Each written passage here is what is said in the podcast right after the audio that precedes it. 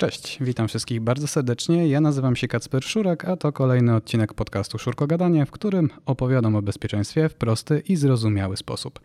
Dzisiaj moim gościem jest Krzysztof Kotowicz, osoba, która o XSS-ie wie naprawdę dużo.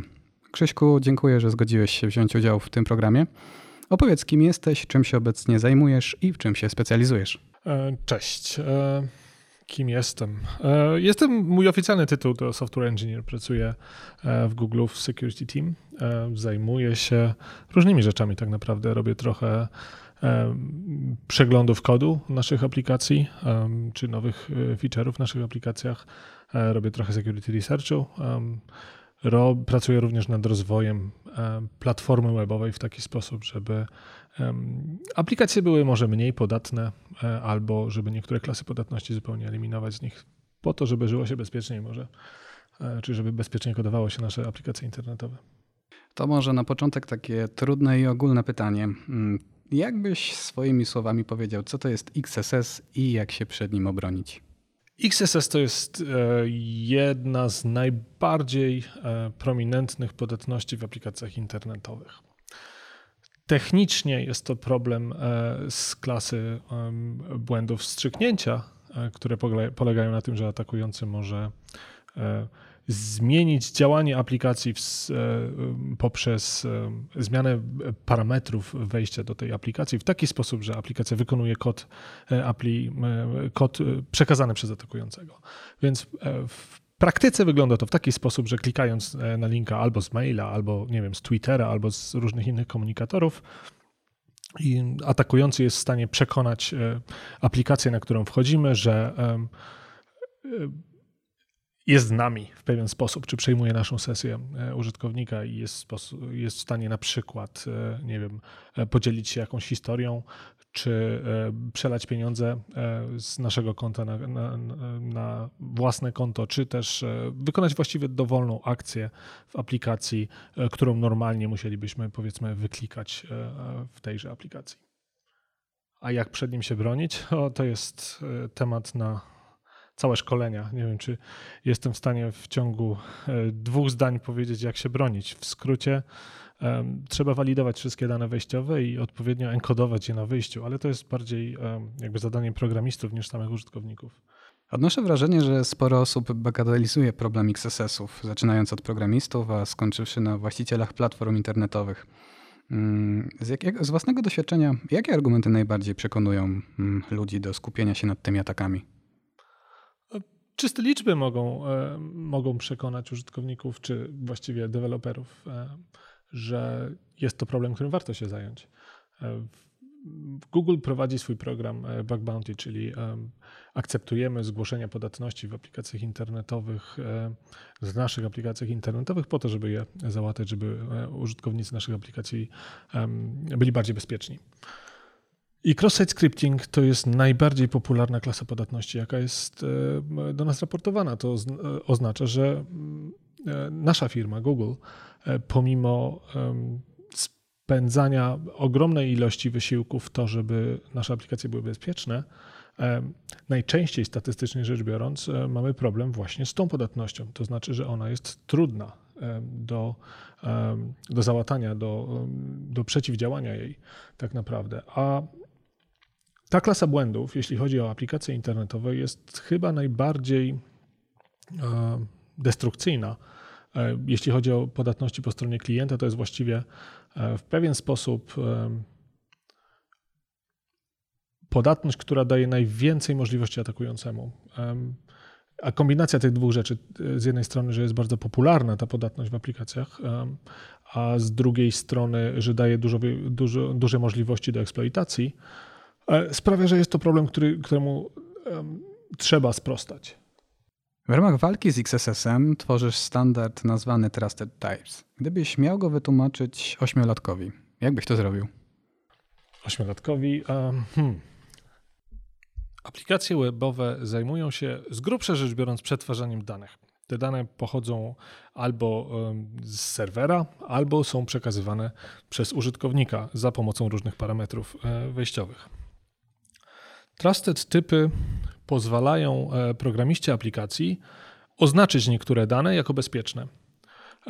i zapewnić, że tylko dane w owy sposób oznaczone mogą zostać użyte w kontekstach, które pozwalają na wykonanie kodu.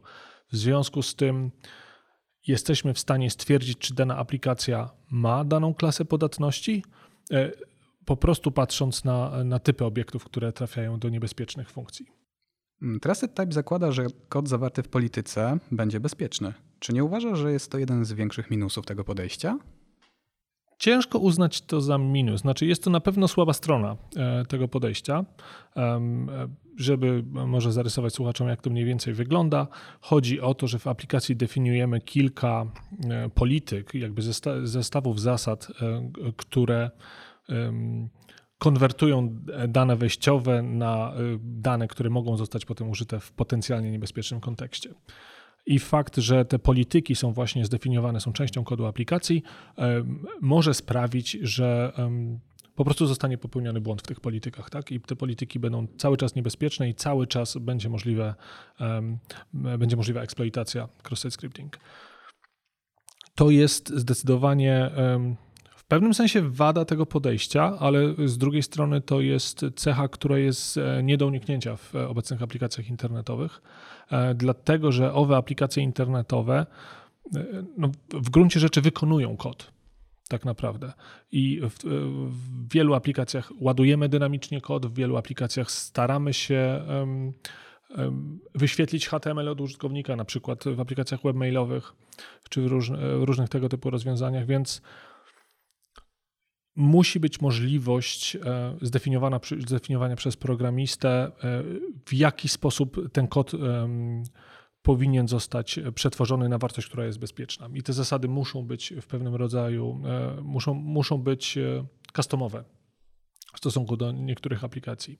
Ale ta pozorna słabość tego systemu również pozwala nam rozbudować go w przyszłości o inne rozwiązania, które zapewniają właśnie ten poziom bezpieczeństwa. Te inne rozwiązania mogą być albo zimplementowane na poziomie e, bibliotek JavaScriptowych, na przykład DOM Purify jest e, powiedzmy dobrym sanitizerem do, e, do HTML-a. W związku z tym mm, użytkownicy mogą używać biblioteki DOM Purify zapewniając sobie właśnie to, to bezpieczeństwo, jakby ufając Dom Purifyowi, że, e, e, że sanityzuje kod e, w odpowiedni sposób. Z drugiej strony możemy oferować polityki wbudowane w przeglądarkę, które zapewniają podobny, powiedzmy, poziom bezpieczeństwa, ale są jakby częścią platformy, a nie częścią aplikacji. No ale takie, tego typu podejście musi zakładać pewnego rodzaju takie wyjście ratunkowe dla programistów, że muszą również móc zaprojektować i, i zaimplementować aplikację, która e, pozwala im przetworzyć reguły, które sami e, uznają za stosowne. Czyli podsumowując, według Ciebie w takiej dużej organizacji za kod polityk powinien być kto do, jakby odpowiedzialny? Czy programista, czy osoba zajmująca się bezpieczeństwem, czy może w ogóle twórcy frameworków? W takim idealnym scenariuszu. Zależy od, wszystko zależy od tego, w jaki sposób aplikacje są budowane w danej organizacji. E, w organizacji e, rozmiarów Google'a, czy w jakimś dużym software house'ie, e, oczywiście kod polityk, czy sposób, w jaki te polityki zostają zdefiniowane, potem w jaki sposób zostają zmieniane, musi być pod nadzorem kogoś, kto zna się na bezpieczeństwie. U nas, w naszej firmie jest to, jest to właśnie security team. W związku z tym my jesteśmy w stanie stworzyć polityki bezpieczeństwa. E, mówię już e, o rozwiązaniu czysto, czysto technicznym polityki Trusted Types i potem zapewnić, że, że użytkownicy czy programiści naszych aplikacji używają tylko tych polityk, które my przeglądnęliśmy co najmniej, albo jesteśmy ich autorami i zabezpieczyć, że te polityki nie mogą ulegać zmianie bez naszej kontroli. W innych organizacjach oczywiście może to wyglądać inaczej. W każdym bądź razie mm, na pewno w mniejszych organizacjach kod polityk e, czy autora, autorem polityk może być e, autorem polityk może być autor biblioteki, e, której dana aplikacja używa. Także to nie musi być część dokładnie kodu naszej aplikacji. Może to być polityka może również zostać jakby włączona do kodu naszej aplikacji poprzez jedną z zależności, jaką mamy, poprzez na przykład jakąś bibliotekę czy framework. Trusted Types to standard w ramach Web Applications Security Working Group. Mógłbyś zdradzić rąbka tajemnicy, jak wygląda praca w takiej grupie roboczej? Czy każdy może wziąć udział w, te, w jej spotkaniach? Jak takie spotkania wyglądają? To zależy. Platformę webową rozwija się w ramach dwóch organizacji. E, przede wszystkim mamy W3C, czyli World Wide Web e, Consortium, e, i z drugiej strony mamy organizację WhatWG. Różne, e, powiedzmy, specyfikacje są jakby tworzone czy rozwijane w ramach jednej z tych dwóch organizacji. I organizacje te, jak, jak każde organizacje, mają różne zasady, tak naprawdę. W3C jest trochę bardziej może zbiurokratyzowana i na przykład, żeby uczestniczyć w pracach W3C, no w skrócie rzecz biorąc, sprowadza się to do pieniędzy. E, twoja organizacja, którą reprezentujesz, musi być członkiem e, W3C. E, jeśli chodzi o WhatWG, sprawa jest dużo bardziej prosta, jest to dużo bardziej jakby otwarty model rozwijania specyfikacji. No, każde podejście ma swoje jakby wady i zalety. Natomiast jak wygląda praca w ramach Security Working Group? Jeśli, je, jeśli jesteś jej członkiem, no jest to dość, dość właściwie proste. Spotkania E, zazwyczaj poprzez telekonferencje odbywają się mm, około co miesiąc, co dwa miesiące. Są repozytoria gitowe. E, ludzie zakładają jakby bugi na, na GitHubie, e, są różne dyskusje, przekonywanie się, ktoś jest autorem specyfikacji, ktoś jest edytorem i specyfikacje są rozwijane. To jest design by committee trochę. Trzeba przekonać innych członków danej grupy roboczej, że to, co robisz, e, ma sens, czy specyfikacja, jaką usiłujesz wdrożyć, ma sens, jest praktyczna w implementacji, rozwiązuje jakiś problem. Inni członkowie zgłaszają uwagi, ustosunkowujesz się do nich i cała rzecz e, jakby jest e, rozwijana w trybie jakby ongoing. W tym momencie W3C trochę przechodzi na taki system, że um, um, specyfikacje są rozwijane e, cały czas, a nie, nie, nie ma jakichś konkretnych punktów zamknięcia, jak HTML5 kiedyś był na przykład. Okej, okay, czyli wiemy, jak się tworzy specyfikację, no ale to potem musi trafić do przeglądarki. I kto tak naprawdę decyduje, co trafia, która specyfikacja trafia do przeglądarki, a która nie? No, przeglądarka to jest projekt software'owy, więc e, tak jak każdy projekt software'owy, e, jakby jego właściciele decydują o tym, jakie feature'y powiedzmy są, są w nim zaimplementowane i w której wersji, e, jak są potem rozwijane, kiedy są zamykane i tak dalej. Więc Mozilla ma, ma swoją, jakby jest autorem powiedzmy silnika Firefoxa i rozwija go zgodnie ze swoimi powiedzmy priorytetami, ze swoimi, biorąc pod uwagę swoje ograniczenia, chociażby związane z, z, z ilością ludzi, ludzi, którzy pracują nad rozwojem danego silnika. Chrome i Google czy Chromium ma swój zespół, swoje priorytety i e, swoje e,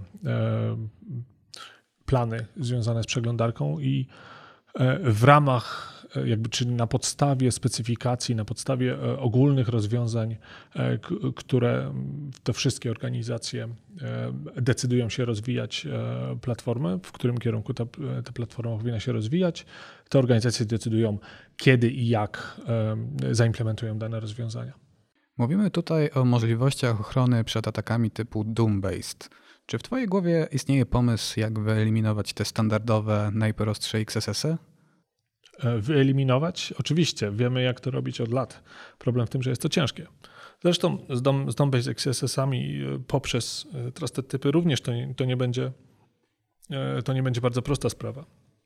Niestety e, podatności związane, e, czy klasa podatności związana ze wstrzyknięciami jest bardzo ciężka w eliminacji e, w momencie, kiedy pracujemy już na istniejących API. Gdybyśmy tworzyli web od początku, jeszcze raz, zrobilibyśmy to inaczej. No, ale niestety mamy do czynienia ze wsteczną kompatybilnością i wszystkimi tego problemami związanymi z tego typu sytuacją. Odpowiedź na rozwiązanie, e, czy, czy odpowiedź na poradzenie sobie z problemem błędów serwerowych XSS, czyli typowo Reflected Distort XSS, jest dość proste. Escape'uj dane na wyjściu zgodnie z odpowiednim kontekstem, więc używaj jakiegoś systemu szablonów, który to zazwyczaj zapewnia. W najprzeróżniejszych stosach programowych takie rozwiązania już istnieją, więc problem jest tylko tak naprawdę z migracją i z odpowiednią implementacją i implementacją e, jakby systematyczne.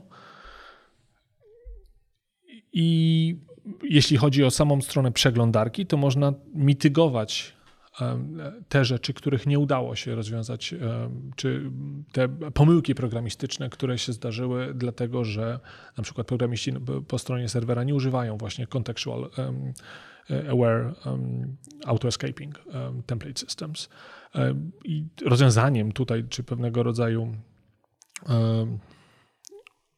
to, co przeglądarka może zaoferować, to Content Security Policy y, po to, żeby mitygować błędy. Jest kilka wariantów Content Security Policy. E, po latach e, patrzenia na ten problem, e, wydaje nam się, że najlepszym wariantem Content Security Policy jest Content Security Policy z użyciem tak zwanych nonsy, czyli takich unikalnych, randomowych liczb czy ciągów znaków do oznaczenia skryptów, które są zaufane, czy pochodzą, zostały wygenerowane rzeczywiście przez serwer, a nie zostały wstrzygnięte. Content Security Policy wydaje mi się, że ma stanowić taką ostatnią linę, linię obrony ataku przed atakami XSS. No tylko, że odnoszę wrażenie, że bardzo dużo stron korzysta z niej jako pierwsza linia obrony i dostajemy potem informację, że oni tego błędu nie naprawią, no bo błąd jest zmitygowany. Czy według Ciebie takie podejście jest, jest prawidłowe, no, czy, czy jednak nie? E, oczywiście, że jest e, takie podejście nieprawidłowe. Content Security Policy od samego początku była pomyślana nie jako jakby panaceum czy lek na XSS-y, to bardziej było pomyślane jako taka ostatnia deska ratunku, która przeciwdziała faktycznemu E, wyko wykonaniu kodu w momencie, kiedy jakaś podatność została nie tyle nawet e, wprowadzona do kodu e, aplikacji, ale znaleziona przez atakującego i właściwie następuje próba eksploitacji jej tak naprawdę. Więc, więc Content Security Policy jest tylko mitygacją, jest tylko jakby przypudrowaniem problemu trochę i organizacje powinny załatać właściwe błędy, czy po stronie klienta, czy po stronie serwera E, które mm, e, nazywają się XSS. Tak? Nie, CSP nie powinno być używane jako e, zastępstwo łatania błędów. Ale zdaję sobie sprawę, to jest popularny, popularne podejście do, do XSS-ów jest właśnie, właśnie wygląda w sposób następujący. Zakładamy CSP i już problemu nie mamy. To nie jest właściwe, ale to jest trochę pokłosie tego, że nie wszystkie aplikacje mają, e, nie wszystkie aplikacje internetowe, które są rozwijane, mają wystarczające, powiedzmy, e, funduszy na bezpieczeństwo. I dopóki nie rozwiążemy tego problemu, to, to będziemy się stykać z jego jakby instancjami, e, czy z jego przejawami, chociażby jak, jak, jak tutaj przy CSP i XSS.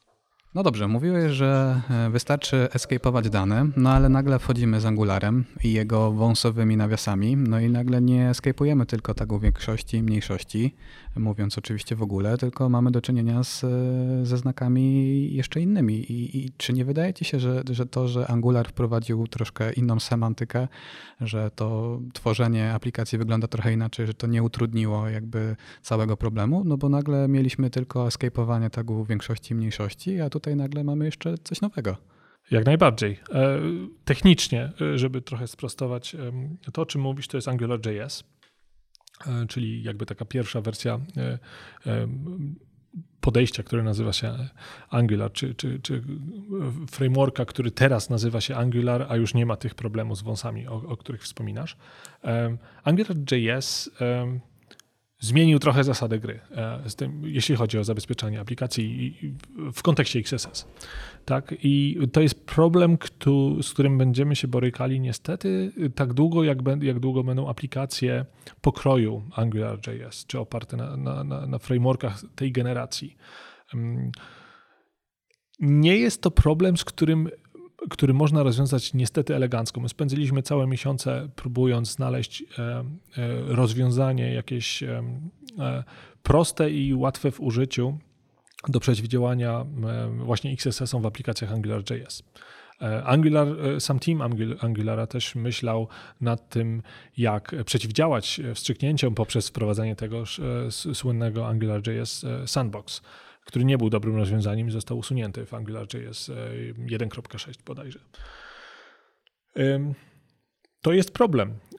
Niektóre frameworki JavaScriptowe wprowadzają jakieś swoje dodatkowe języki wyrażeń, e, które e, w efekcie rzecz biorąc zostają wykonane jako JavaScript w pewnym momencie po przeparsowaniu, ale w międzyczasie mogą zostać e, użyte te języki wyrażeń czy, czy mm, te właśnie wąsiki, które zostają użyte do, do, oznaczenia, które kawałki tak naprawdę zawierają dane wyrażenia, do tego, żeby przemycić właśnie payloady XSS-owe.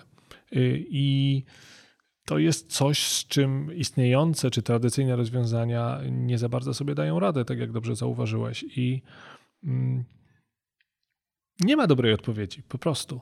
E, nie używajcie frameworków, które wprowadzają tego rodzaju magiczne zachowania. Jeśli chodzi o AngularJS e, e, konkretnie, to na szczęście kolejne wersje tego frameworka, te, które już nazywają się Angular, nie, nie mają tego problemu. To znaczy, jakby część template'ów zostaje skompilowana na, na etapie deployowania aplikacji na, na, serwer, więc nigdy nie ma interpolacji danych użytkownika e, w taki sposób, że mogło, mogłyby te dane zostać użyte jako template i cierpieć na ten problem template injection czy, czy template mixing. Czyli patrząc e, teraz na AngularJS, okazuje się, że to, co tam zostało użyte, jest błędem, tak? Ciężko mi się wypowiadać e, w, e, w kontekście całego projektu AngularJS, ale z punktu widzenia bez, bezpieczeństwa uważam, że to była zła decyzja.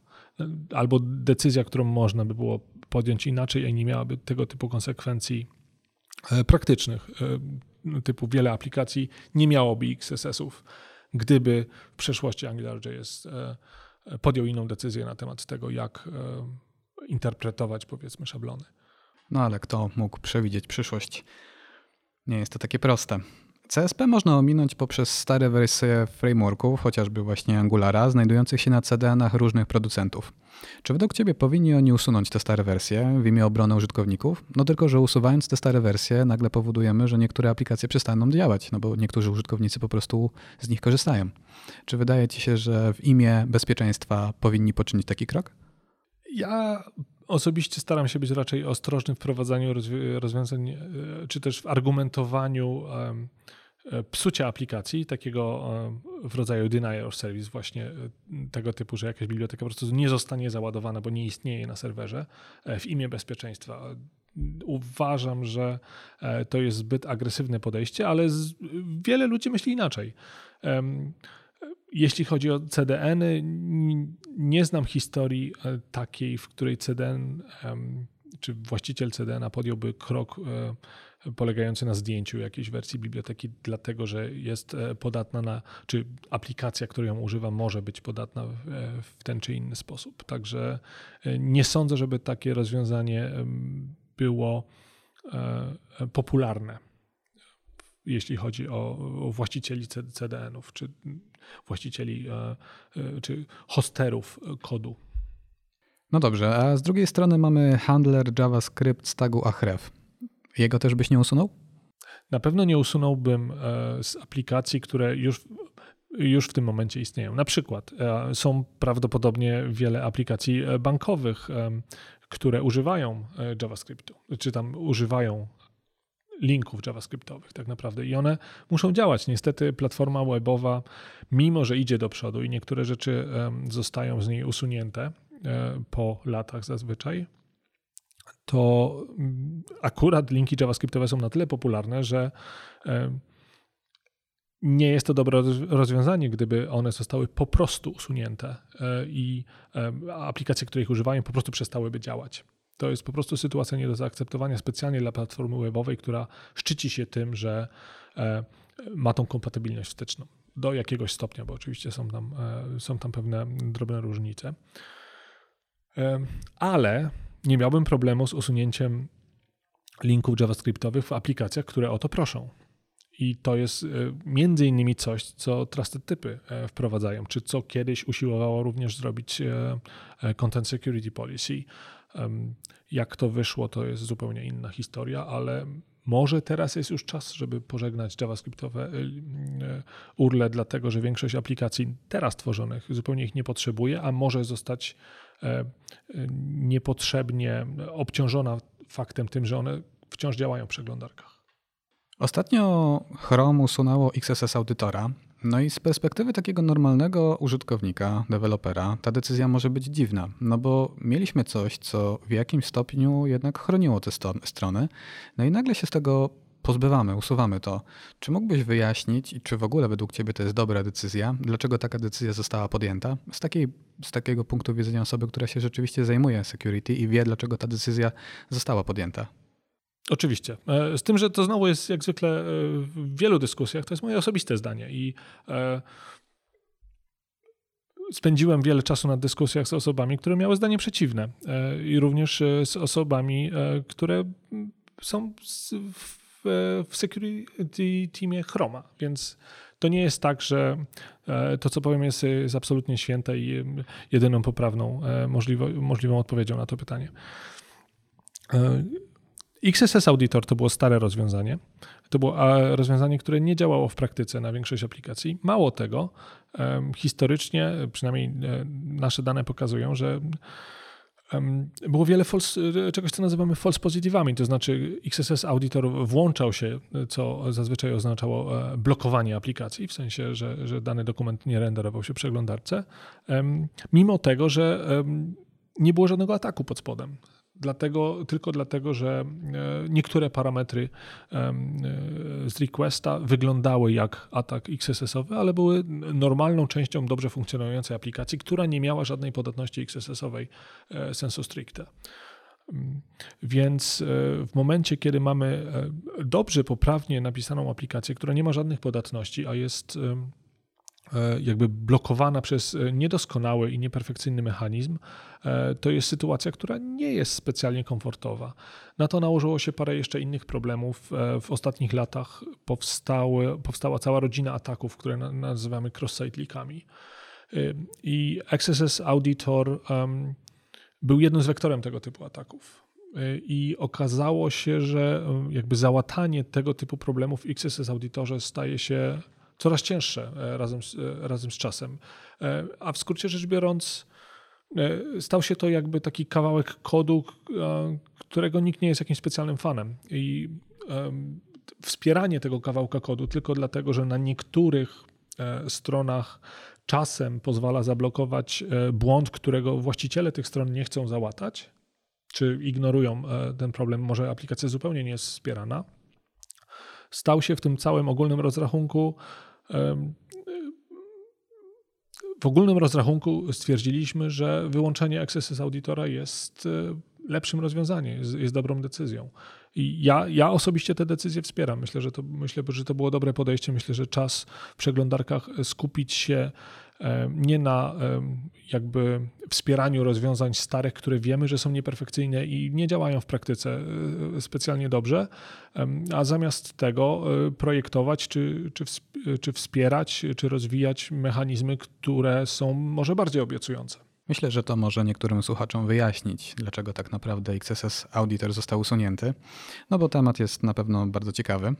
Treści w internecie są coraz bogatsze w formy przekazu, no i załóżmy, że mamy taki problem, że chcemy użytkownikowi pozwolić na więcej. No i mamy wybór, albo jakiś BB Code, albo jakiś Markdown, no albo HTML. No ale znowu jak HTML, no to pojawiają się problemy z JavaScriptem i z tym, co on tam może e, tak naprawdę zrobić. Mm, jak według Ciebie powinniśmy podejść do takiego tematu, gdy chcemy pozwolić użytkownikowi na coś więcej? Czy powinniśmy korzystać z czegoś na wzór Doom Purify, no a może jednak e, jakaś inna opcja? Inna opcja za bardzo w tym momencie, znaczy po, poza tymi, które wymieniłeś, nie za bardzo istnieje. Tak, jeśli używasz czegoś, co nie jest HTML-em, a co renderujesz do HTML, jak na przykład Markdown, to jasne, powierzchnia ataku jest troszeczkę limitowana, bo też e, powiedzmy Markdown nie zezwala na wszystko, czy też dobry parser Markdowna nie zezwala na wszystko. Wciąż jest możliwe, zazwyczaj, czy spora ilość na przykład parserów Markdownu zezwala na urle javascriptowe i to oczywiście jest problem. Ale e, poza tym, jakby składnia, e, którą atakujący może kontrolować, jest, jest dużo mniejsza i w związku z tym jest łatwiej napisać parser Markdowna, który jest bezpieczny. E, jeśli e, tym niemniej e, chcesz zezwolić użytkownikom na publikację może bardziej bogatych treści, to możliwe, że będziesz musiał użyć HTML-a, a to niesie ze sobą wszystkie problemy, które zarysowałeś. Możesz próbować sanityzować te dane za pomocą na przykład Dom Purify e, czy innych e, sanitizerów, one działają powiedzmy tak sobie, to znaczy w większości przypadków działają bardzo dobrze, ale są pewne kruczki, są pewne corner case'y. I każde tego typu rozwiązanie powinno zostać no, ktoś powinien na to rzucić okiem e, z punktu widzenia security, czy to nie pozwala na, na pewnego rodzaju bypassów. I zresztą historię bypassów, historię dziur w samym DOM Purify również, e, e, również mamy. Tak, zresztą nie tylko DOM Purify, wszystkie praktycznie sanitizery HTML miały pewnego rodzaju problem bezpieczeństwa wczoraj, tydzień temu, czy, czy kilka lat temu. W platformie obecnie brakuje dobrych mechanizmów na z jednej strony sanityzację HTML-a. E, może w przyszłym roku coś się zmieni. Wiem, że, e, wiem, że ludzie z, z Mozilla podnieśli tego typu problem. E, I nie spotkał on się z szerokim zainteresowaniem jak do tej pory, ale słyszałem, że może coś się, coś się zmieni w niedalekiej przyszłości na ten temat. I brakuje też mechanizmów izolacji, bo może dobrym podejściem nie jest to, żeby HTML odpowiednio powiedzmy wyczyścić z JavaScriptu, bo to jest trudne, ale może e, przydałoby, przydałby nam się takiego rodzaju rozwiązanie, które pozwala na e, wyrenderowanie HTML-a w izolowanym środowisku, tak żeby on nie, nie wykonał JavaScriptu, a nawet jeśli by wykonał, żeby ten JavaScript nie miał dostępu do żadnych ciekawych danych. No tak, ale to, co mówisz, no to już jest kwestia przeglądarek, prawda? Tak, jak najbardziej. Czyli czekamy, aż przeglądarki zajmą się całym tematem. No, albo zaproponuj e, jakieś rozwiązanie. To nie jest tak, że przeglądarki e, siedzą sobie w całkowitej izolacji i patrzą w sufit i zastanawiają się, co by tutaj teraz zrobić, e, tylko aktywnie szukamy feedbacku od użytkowników, od deweloperów. Jak najbardziej. To, ta, akurat, ta akurat kwestia HTML sanitizing wbudowane w przeglądarki jest częścią czegoś, co się nazywa WICG, to jest również w skrócie, e, powiedzmy, organizacja córka e, W3C, która, który jest takim inkubatorem niektórych rozwiązań platformowych. I wiem, że tego typu projekt w ramach WICG szuka aktywnie feedbacku od użytkowników, więc Poszukaj e, na GitHubie WICG, HTML Sanitizing, jest repozytorium, jest, e, są, jest, jest issues na GitHubie, jest grupa dyskusyjna, jak najbardziej. Czekajmy na feedback. Także drodzy słuchacze, jeżeli macie jakiś świetny pomysł, to, to nie bójcie się, spróbujcie swoich sił. Może ten pomysł sprawi, że nasze strony internetowe będą jeszcze bardziej bezpieczne. Mam wrażenie, że spora część problemów z XSSM wynika ze specyfiki JavaScriptu i jego elastyczności. Gdybyś miał super moc i mógł usunąć jeden z elementów tego języka, co by to było? Dobre pytanie. Znaczy, e, ciężki temat, bo ja tak naprawdę jestem ogromnym fascynatem JavaScriptu i uważam, że jest niesamowity. E, e, jakby jego z jednej strony prostota, a z drugiej strony różne, różne dziwne kruczki czy też niska bariera wejścia e, w ten język pozwoliła na, e, na rozwój sieci e, w tak dynamiczny sposób, w jaki, w jaki to miało miejsce w ostatnich latach. Więc nie wiem, czy istnieje jedna rzecz, która mi bardzo jakoś specjalnie przeszkadza w JavaScriptie. Wie, wiele ludzi, którzy e, narzekają na JavaScript, na przykład narzekają na sposób, w jaki e, działają e, operatory porównania, tak, i, i ta konwersja, konwersja typów, że czy, czy object to jest to samo co not a number, czy, czy, czy jak false porównuje się do, do, do pustego, do pustej listy, do pustego arraya i tak dalej. Może to by poprawić kiedyś, gdyby można y, było wymyślić maszynę y, y, przenoszenia się w czasie, ale to są naprawdę drobnostki. Na dobrą sprawę większość e, rzeczywistych problemów e, bezpieczeństwa z, e, z kodem aplikacji w JavaScriptie wynika z tego, jak zrobione są API webowe, a to jest troszeczkę poziom wyżej. Tak? To jest, JavaScript jest tylko językiem jakby dostępu do tych API webowych, ale jeśli te same API webowe są takie sobie, a niektóre są rzeczywiście takie sobie, to mamy problemy. No rzeczywiście, JavaScript pojawia się e, w naszym życiu na każdym kroku, w tym w rozszerzeniach do przeglądarek. No i o ile sporo osób e, nie uruchomiłoby złośliwego oprogramowania, czyli pliku exe, który przyszedłby na naszą pocztę internetową, to jakoś tak nie mamy tego samego pomyślunku, jeśli chodzi o rozszerzenia i ich instalowanie w przeglądarkach. Czy nie wydaje Ci się, że te rozszerzenia, które są napisane de facto w JavaScriptie, mają zbyt dużą moc, to znaczy, że bardzo łatwo mogą wykonać dowolną akcję na dowolnej stronie? I tak i nie.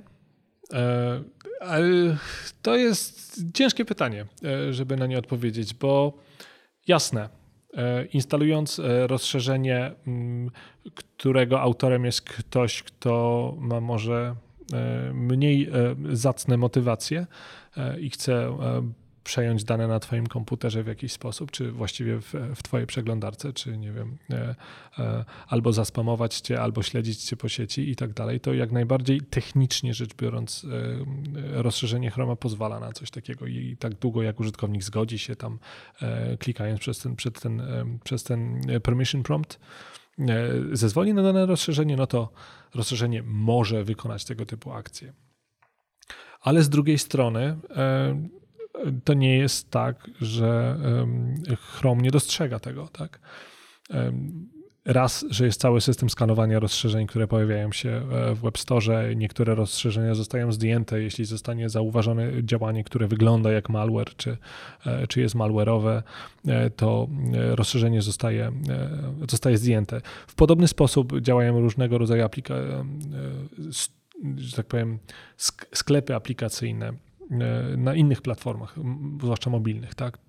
W przypadku iOS-a, e, Play e, czy, czy Play Store na Androidzie jest pewnego rodzaju prześwietlanie aplikacji pod kątem niebezpiecznych czy ryzykownych zachowań i takie pilnowanie tylko, żeby dobre aplikacje czy aplikacje, które nie są podstępne, były dostępne w, dany, w ramach danej platformy, powiedzmy tak.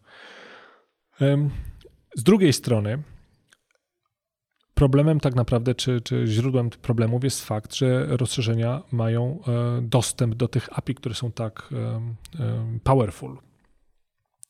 Ale gdyby nie było tych powerful API, e, to na przykład nie byłoby adblockerów możliwych. I, a jak tylko Chrome ostatnio stara się e, czy też myśli nad wprowadzeniem czegoś, co nazywa się Manifest V-Free, czyli jakiegoś rodzaju limitowaniem tego dostępu, które mają rozszerzenia w Chromie do, do właściwie zawartości strony, jakie dany użytkownik ogląda, e, to natychmiast e, wiąże się to z, z jakiegoś rodzaju protestem społeczności autorów rozszerzeń, że, że zablokuje to działania blokerów na przykład. Więc to zawsze jest pewnego rodzaju no, sytuacja, którą trzeba e, rozpatrzyć dość, dokładnie. To nie, jest, to nie jest tak prosta decyzja, że bezpieczeństwo e, w jedną czy w drugą stronę powinno e, zawsze być mocniejszym argumentem w stosunku do na przykład prywatności użytkowników. No czyli nie ma róży bez kolców. Dokładnie. Ty swoją przygodę z bezpieczeństwem zacząłeś już jakiś czas temu. Gdybyś miał przekazać jakąś radę dla osób, które dopiero rozpoczynają tą podróż, co by to było? Rób to, co lubisz i staraj się być w tym jak najlepszy.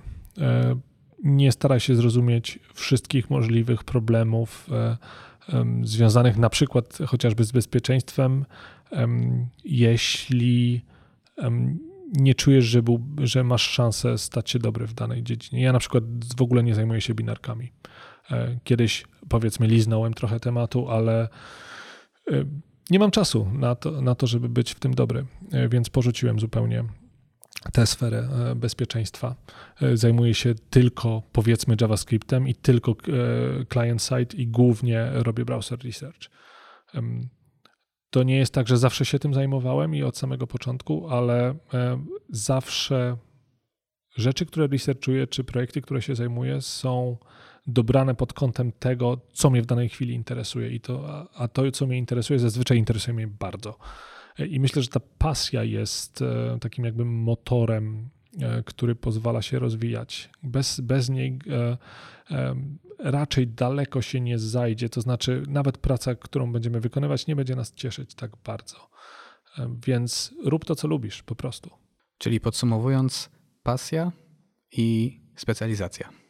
Jak najbardziej, tak. No chyba, że jesteś e, bardzo dobry w wielu dziedzinach, co zdarza się. Ja nie jestem taką osobą, stety e, lub niestety. Czy wydaje ci się, że osoby zajmujące się security powinny umieć programować? Powiem tak.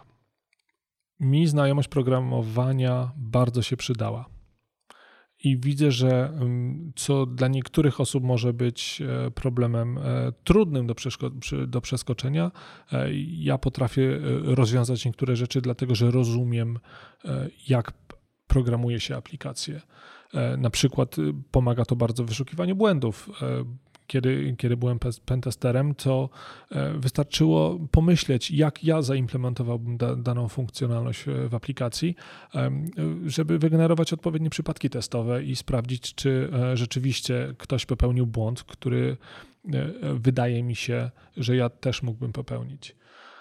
Ale nie jest to wymagane. Jest, jest wiele ludzi doskonałych w security, którzy, którzy umiejętność programowania mają na poziomie powiedzmy prostych języków skryptowych czy prostej automatyzacji pracy, e, powiedzmy napisanie jakiegoś pluginu do skanera e, czy czegoś w tym stylu. Także e, działka security jest na tyle szeroka, że myślę, że każdy znajdzie coś dla, dla siebie, jeśli jest w tym dobry.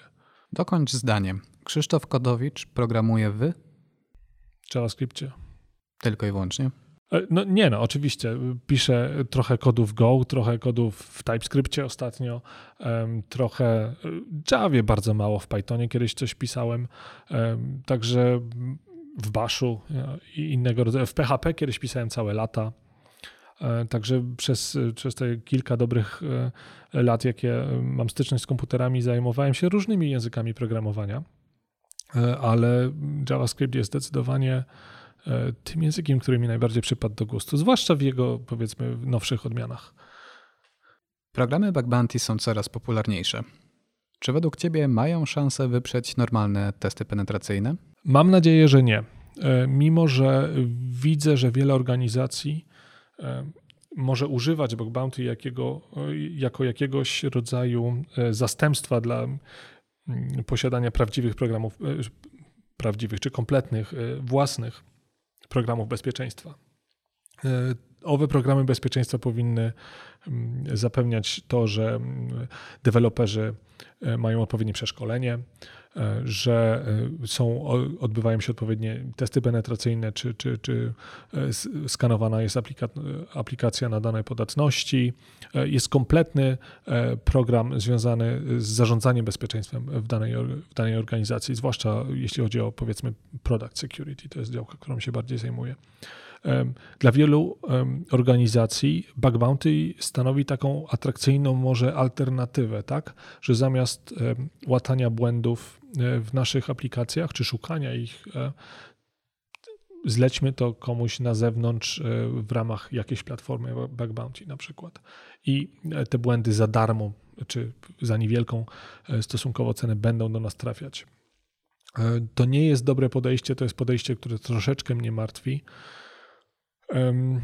My oczywiście e, w ramach naszej firmy tak mamy Google VRP i wiele innych programów, e, w których e, nagradzamy researcherów, którzy nadsyłają do nas zgłoszone błędy, ale oprócz tego robimy przeglądy kodu, skanujemy nasze aplikacje, mamy najprzeróżniejsze, całą warstwę hardeningu i naszej infrastruktury, i naszych aplikacji, naszych bibliotek.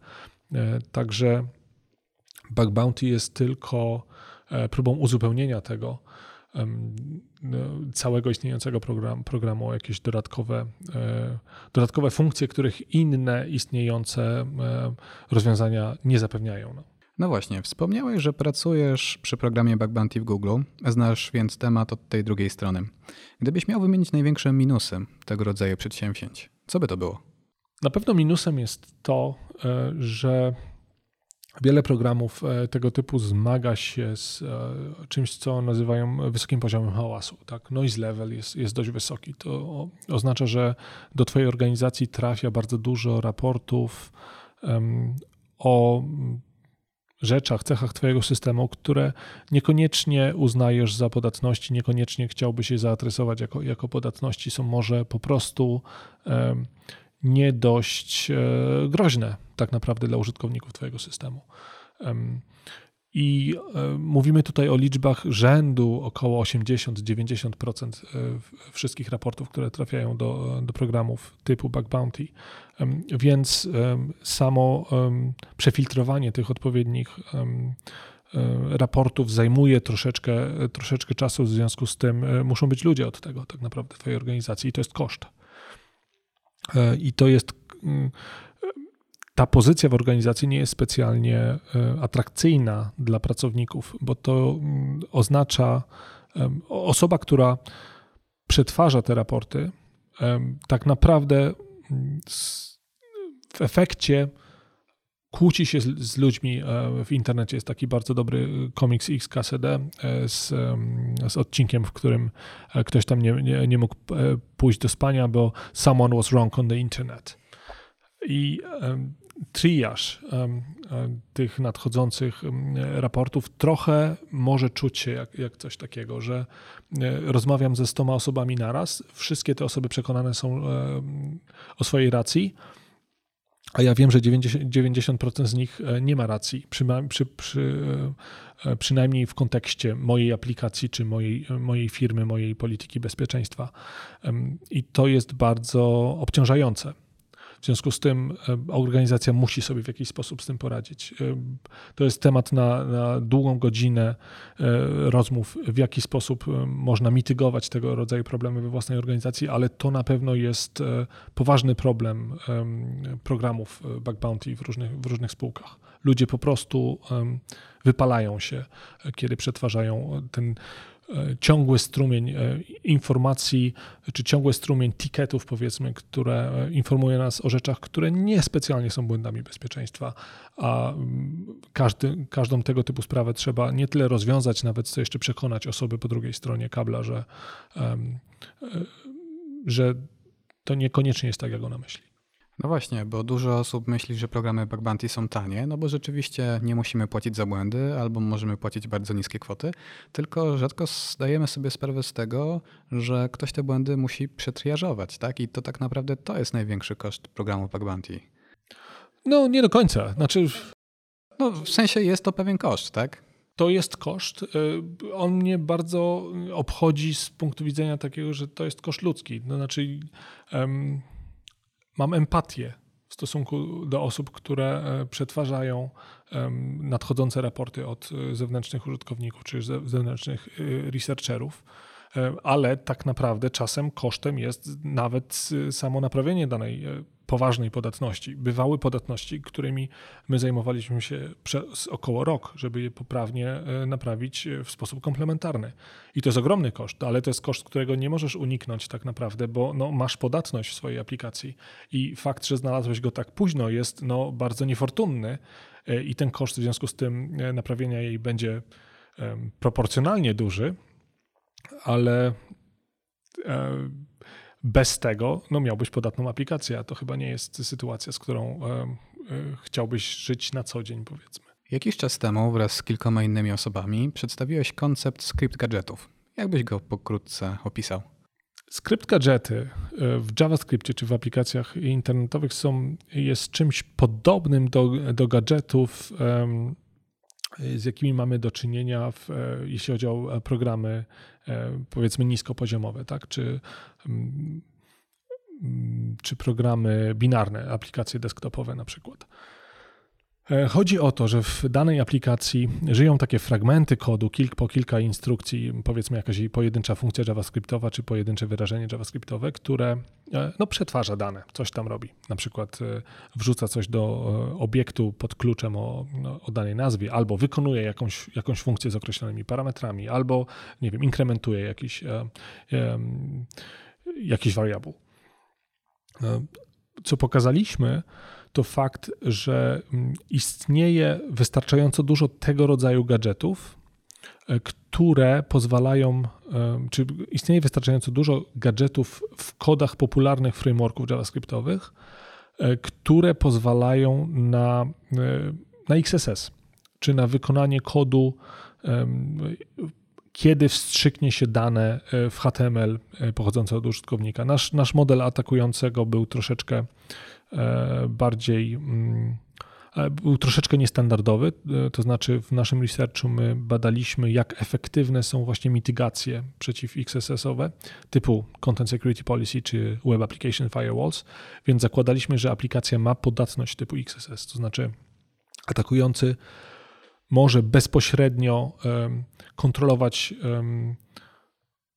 część kodu, który, który serwer zwraca, tak? Część fragmentu, część HTML-a my kontrolujemy i sprawdzaliśmy, jak efektywne są powiedzmy WAFy czy, czy CSP e, w, w zablokowaniu wykonania JavaScriptu poprzez tego rodzaju podatność. No i e, pokazaliśmy, że e, w znakomitej większości popularnych frameworków JavaScriptowych my jesteśmy w stanie napisać coś w HTML-u takiego, co pobudzi te odpowiednie e, łańcuchy gadżetów e, w kodzie tych frameworków w taki sposób, że w efekcie mamy powiedzmy okienko alertu. No dobrze, jak na to zareagowali twórcy tych frameworków? Czy próbowali usunąć te gadżety? Czy to jest w ogóle możliwe? Czy można takie kawałki kodu wyeliminować kompletnie z frameworków? To jest bardzo ciekawy problem. E, dlatego, że my nie, my nie uważamy, że gadżety to są podatności. E, dlatego nie traktowaliśmy tego jako e, zgłoszenie podatności w danym frameworku A, B czy C. E, dlatego, że podstawowy problem, który był podatnością, to jest fakt że jest powiedzmy ten XSS, tak? czyli coś pozwala na, czy HTML injection, coś pozwala na wstrzyknięcie HTML-a i to będzie bezpośrednio e, potem serwowane do, do przeglądarki w sposób nieprzetworzony. To jest prawdziwy problem i to jest e, podatność, którą właściciele już aplikacji, niekoniecznie frameworków, powinni załatać w swoich aplikacjach. My troszeczkę jakby abstrahowaliśmy od tego problemu i tylko sprawdzaliśmy, jak efektywne są dane mitygacje przeciw XSS-om. E, tym niemniej e, część frameworków e, zareagowała. Na przykład Polymer w swoim kolejnym release, bodajże to była wersja 3.0, mówię trochę z pamięci, bo to jest research sprzed już chyba dwóch lat, zmienił kod w taki sposób, że już niektóre, znaczy może tak, zmienił kod w sposób, który zapobiega wykorzystaniu gadżetów w taki sposób, jaki my E, ich e, używaliśmy. Czyli jednak jak się chce, to można. Tak, ale nie do końca. To znaczy, w każdym frameworku są gadżety. Problem w tym, że mm, żeby je wzbudzić, potrzebujesz XSS-a. I moim zdaniem nierozsądne byłoby hardenowanie frameworków e, poprzez usuwanie tych gadżetów. Dlatego, że to jest troszeczkę łatanie problemu na innym poziomie. A przynajmniej w moim podejściu osobistym, ja wolę, kiedy problemy zostają załatane u źródła, niż przypudrowywane na innych warstwach, bo to w praktyce rzecz biorąc jest dużo bardziej kosztowne w, w maintenance. Mówiąc o JavaScriptie, nie sposób nie wspomnieć o Node i o NPM-ie. No i patrzymy teraz na statystyki błędów i łapiemy się za głowę. Tylko, że patrząc głębiej, okazuje się, że spora część z nich, pomimo groźnych nazw, występuje jedynie w bardzo specyficznych przypadkach i jest trudno eksploitowalna. Teoretycznie mamy standard CVSS, mający wskazać, jak poważny jest błąd. Czy nie potrzebujemy jakiegoś innego podejścia, które nie jest liczbą, a bardziej praktycznym podejściem do tematu? No bo teraz mamy liczbę, która teoretycznie mówi nam, jak błąd jest groźny, a nagle się okazuje, że w naszym wypadku jest nie do użycia. Tak, ale e, jeśli znajdziesz rozwiązanie tego problemu, to prawdopodobnie um, możesz założyć startup i um, zyskać poważne pieniądze od inwestorów. To jest problem ciężki. Um, i podatności, zwłaszcza w systemie e, czy w ekosystemie NPM i, i Node'a, podatności są e, raportowane w takiej całkowitej izolacji od, od faktu, czy one są w ogóle eksploitowalne. To znaczy jest podatność, e, nie wiem, prototype pollution, czy, czy tego typu rodzaje podatności w ramach jednej jednej biblioteki, jednej zależności e, Twojego projektu. A fakt, że to jest jakiegoś rodzaju, powiedzmy, dev dependency gdzieś tam trzeciego poziomu, tak naprawdę, i atakujący nigdy nie jest w stanie e, przekazać danych w taki sposób, żeby ową podatność wyeksploitować w Twoim konkretnym projekcie, jest y, rzeczywiście rzeczywiście jakby pokazuje, że ciężko patrzeć na E, na to wszystko w całkowitej izolacji, że musisz mieć do czynienia z konkretną aplikacją i rozpatrywać e, jakby e, stopień mm, istotności danego zagrożenia w kontekście tej aplikacji ale nikt nie znalazł jeszcze dobrego rozwiązania tego. Są ludzie, którzy e, e, starają się fazować e, parametry wejściowe i sprawdzić, czy dana podatność została, że tak powiem, dotknięta przez, przez parametry wejściowe. Są ludzie, którzy stwierdzają, że tylko powinno się skanować dependencies, runtime dependencies, a nie dev dependencies w NPM-ie. Są ludzie, którzy E, sprawdzają tylko dependencies e, do pierwszego poziomu, a drugiego poziomu już zostawiają, stwierdzając heurystycznie, że e, to jest zbyt głęboko w staku, żeby to było praktycznie eksploitowalne, bez tak naprawdę patrzenia na, na, na kod. Problem polega na tym, aplikacje są skomplikowane, jest strasznie dużo kodu, nikt nie ma czasu na ten kod zaglądać w sposób komplementarny. I to jest jakby pokłosie tego e, podstawowego problemu. Branża bezpieczeństwa to często żmudna i powtarzalna praca. Jak radzisz sobie z tą nudą i powtarzalnością? Nie sądzę, że przede wszystkim to jest żmudna i powtarzalna praca. Zależy, jak do tego podchodzisz. Tak, e, ja na przykład robiłem dużo przeglądów kodu i widziałem strasznie dużo XSS-ów, e, więc stwierdziłem, że może koniec z XSS-ami i trzeba po prostu im zapobiegać w sposób bardziej komplementarny, więc zająłem się trusted typami. E, I to jest projekt, który no nie jest powtarzalny. Ja czuję, że robię coś nowego. E, w działce security też, e, co może być powtarzalne, to nie wiem, niektórzy pentesterzy testują wciąż te same klasy aplikacji, czy robią retesty non-stop. I to jest powtarzalne, no ale z drugiej strony można spróbować znaleźć bardziej ciekawe projekty, czy ciekawe aplikacje do testowania i one zawsze będą w jakiś sposób unikalne i taką bardziej atrakcją. Tak? Są E, części czy działki security, które wymagają tak naprawdę dewelopowania kodu, a dewelopowanie kodu również nie jest powtarzalne. Tworzysz coś nowego, unikalnego, coś, co jeszcze mało tego, coś, czego nikt na całym świecie jeszcze nie zrobił.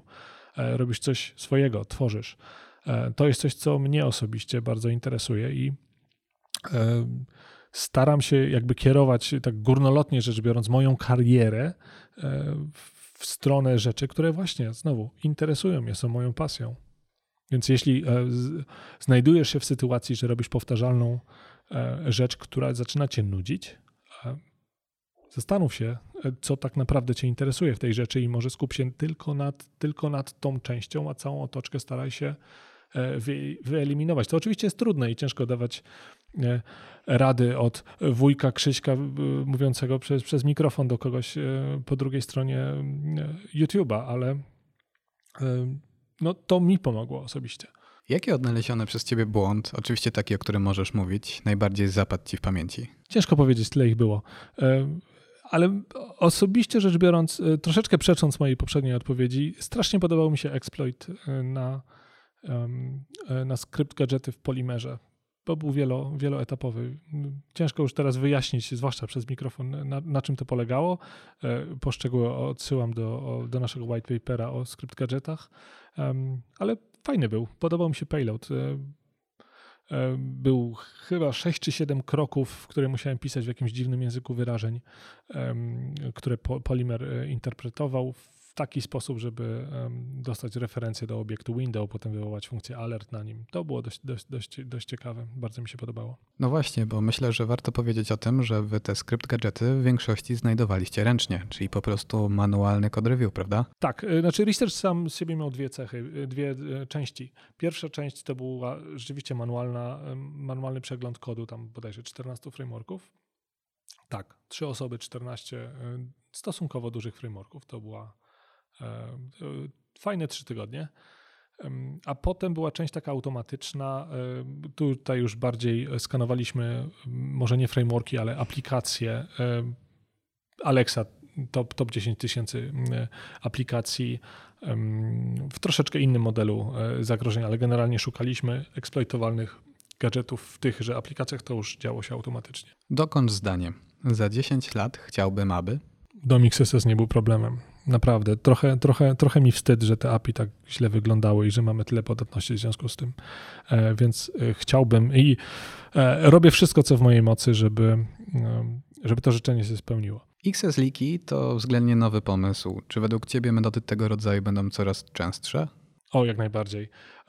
Cieszę się nawet na to, bo mam wrażenie, że o ile, jeśli chodzi o cross-site scripting, taki straszny problem e, od samego zarania JavaScriptu w sieci, e, o ile z XSS-ami mamy już dobrze rozpracowany problem, wiemy jak mu zapobiegać. Okazuje się niestety, że to nie jest łatwe, no ale wydaje się, że to jest e, przynajmniej na chwilę obecną najbardziej realny sposób radzenia sobie z, z XSS-ami typu właśnie, nie wiem, systemy szablonów po stronie serwera, czy trusted typy po stronie klienta.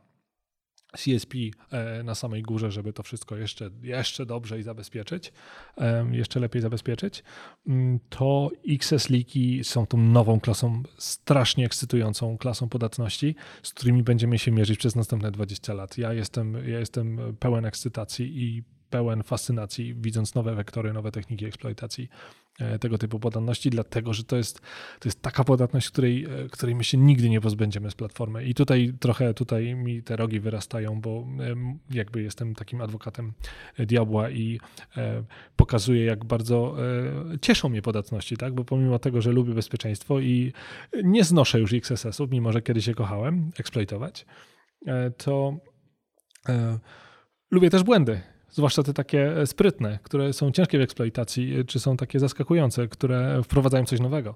E, I XS Leaky są naprawdę taką klasą ataków, czy taką klasą podatności, którą tak trudno będzie wyeliminować z platformy, że nie mamy jeszcze zupełnie pojęcia, jak w sposób komplementarny do tego, do tego podejść. A nie odnosisz takiego wrażenia, że tak na, na chwilę obecną te błędy są takie troszkę bardziej czysto teoretyczne niż praktyczne? No bo okej, okay, one dają jakieś rezultaty, ale te rezultaty są na przykład dopiero za którymś razem, za którymś powtórzeniem, albo musimy wysłać milion requestów. Nie do końca. E, nie do końca. Tak było kiedyś. E, tak było, nie wiem, trzy lata temu powiedzmy, e, że większość metod eksploitacji cross-site leaków była bardzo taka heurystyczna, probabilistyczna i zazwyczaj wymagała dużej ilości requestów, powtarzania tego wszystkiego i była taka mniej e, ciekawa w związku z tym, czy mniej właśnie praktyczna. E, ale teraz te metody ewolu ewoluowały w sposób naprawdę niesamowity. Co jest zaletą jakby takiego bardziej zorganizowanego researchu prowadzonego przez, przez, przez grupę researcherów razem z moim notabene menedżerem e, w firmie Eduardo Velanawa. E, to wszystko jest na GitHubie, jest, jest całe repozytorium Access Leaks. I te techniki ewoluowały naprawdę w sposób e, niesamowity w ciągu ostatnich, ostatniego roku, powiedzmy. I są, są techniki, które pozwalają na bardzo praktyczne ataki na bardzo praktycznych aplikacjach, i właściciele tych aplikacji spędzają mnóstwo czasu E, nad e, próbą e, jakby załatania problemu. Zresztą nie tylko właściciele aplikacji, również właściciele czy autorzy przeglądarek internetowych tak samo. No tak, bo żeby dać tak, słuchaczom taki podgląd na to, no to nagle okazuje się, że możemy odczytać ile iframe'ów jest obecnych na jakiejś podstronie, tak? Tu się skupiasz na technikaliach, bo jakby takich, to jest jeden, jeden z rodzajów liku, tak? Fakt, ile iframe'ów jest dostępnych na stronie, która jest E, z innego originu, tak? czyli teoretycznie nie powinieneś mieć dostępu, jakby, czy, czy też do, dostęp do danych z tego innego rodzinu powinien być ograniczony. Możesz przeczytać i zawsze mogłeś przeczytać, ile ramek jest na, na danej trzeciej stronie, powiedzmy. I to jest, to jest techniczne. Takich lików jest powiedzmy około 20. I XSS Auditor był jednym z, z, z rodzajów wzbudzania tych lików. Ale e, praktyczna konsekwencja tego, powiedzmy chociażby o ilości ramek, polega na tym, że ja mogę zidentyfikować, czy ty jesteś zalogowany w danej domenie. Bo jeśli jesteś zalogowany, to kod tej aplikacji powiedzmy wrzuca jakiegoś dodatkowego iframe'a, który służy do wiem, wymiany danych z jakimś API. A w przypadku, jesteś, jeśli jesteś niezalogowany, no to po prostu dostajesz um, przekierowanie na stronę tylko z, z jakimś formularzem logowania. Tak? I to mi daje prosty, funkcjonalny już e, czy użytkownik na bieżącej przeglądarce jest zalogowany do aplikacji Facebook, czy Google, czy, czy LinkedIn, czy, e, czy jakiejkolwiek innej. Są oczywiście jeszcze dużo bardziej precyzyjne liki e, typu czy użytkownik jest tym konkretnym użytkownikiem, albo czy w swoim inboxie masz maila, który masz maila, który wysłałeś do pani Basi na przykład, albo czy masz maila z kodem resetu e, hasła do Facebooka, który zaczyna się od cyfry 4, a może się zaczyna od 4.2 i to już nie wymaga miliona requestów, tylko powiedzmy 5. I to już zaczyna być e, mrożące krew w żyłach albo ekscytujące, zależy od tego, z której strony na to popatrzysz. Gdy patrzymy na nowoczesne przeglądarki, no to to jest taki jeden wielki kombajn do wszystkiego. No i mamy też Elektrona, który de facto też jest przeglądarką. Czy nie wydaje ci się, że zaprzęganie tego Chromium do wszystkich możliwych celów jest dobrym pomysłem? No bo nagle odpalamy nasz komputer i okazuje się, że w proces menadżerze mamy pięć Chromów, tak? Tak, znaczy w pewnym sensie e, Chromium staje się ofiarą własnego sukcesu. To jest po prostu, e, nie wiem, efektywny, szybki, wydajny, e, działający silnik przeglądarki z dość no, istotnymi funkcjami, jeśli chce się rozwijać, nie wiem, aplikacje nawet desktopowe się okazuje, tak? I co się okazuje, HTML i CSS i JavaScript są całkiem fajnymi językami do opisania interfejsu swojej aplikacji i potem funkcji programowych tej, tej, tejże. Mm, je, jeśli wygodnie się pisze aplikacje HTML-owe, e, do tego stopnia, że nie wiem, Slack czy, czy innego rodzaju firmy e, wolą napisać aplikację desktopową, która tak naprawdę pod, stroną, pod, pod spodem jest stroną internetową, na dobrą sprawę, to e, potrzebny jest jakiś silnik, który to zrenderuje i okazuje się, że Chromium jest całkiem dobrym silnikiem. Szybkim, nie wiem. Ma różne, różne cechy, które spowodowały, że elektrona akurat używa tego silnika.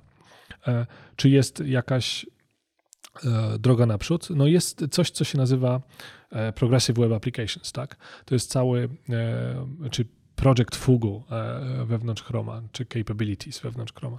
To jest projekt, który zakłada, że aplikacje czy strony internetowe E, będą zachowywały się bardziej, czy dostaną tego rodzaju API, które pozwalają im na zachowanie się bardziej jak aplikacje desktopowe. To znaczy, że możesz ją, je zainstalować, one działają offline, e, e, możesz dostać dedykowane okienko do tych aplikacji, czy nie wiem, bookmarkowanie działa w odpowiedni sposób, możesz ją dodać do homepage'a swojego, swojego telefonu komórkowego, możesz dostać dostęp do różnych sensorów, nie wiem, jakich tam potrzebujesz, czy Bluetooth, czy lokalizacji itd. itp.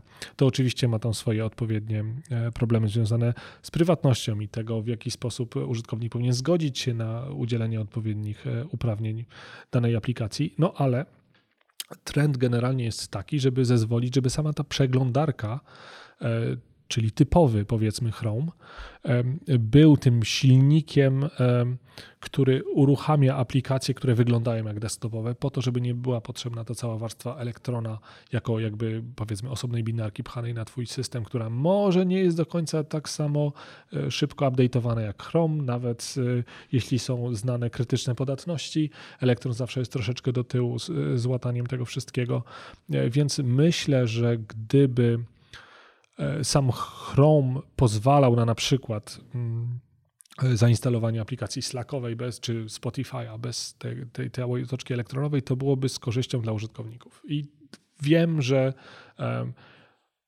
jest spory projekt, żeby, żeby coś takiego zaimplementować. To oczywiście nie jest tylko kwestia implementacji, to jest również kwestia specyfikacji, więc ta cała otoczka związana z dewelopowaniem specyfikacji e, webowych e, idzie razem za tym. Super. Krzysztofie, bardzo dziękuję Ci, że przyjąłeś zaproszenie do podcastu i podzieliłeś się z nami tą swoją ekspercką wiedzą. Dzięki wielkie. O, było mi bardzo miło. Dziękuję za zaproszenie.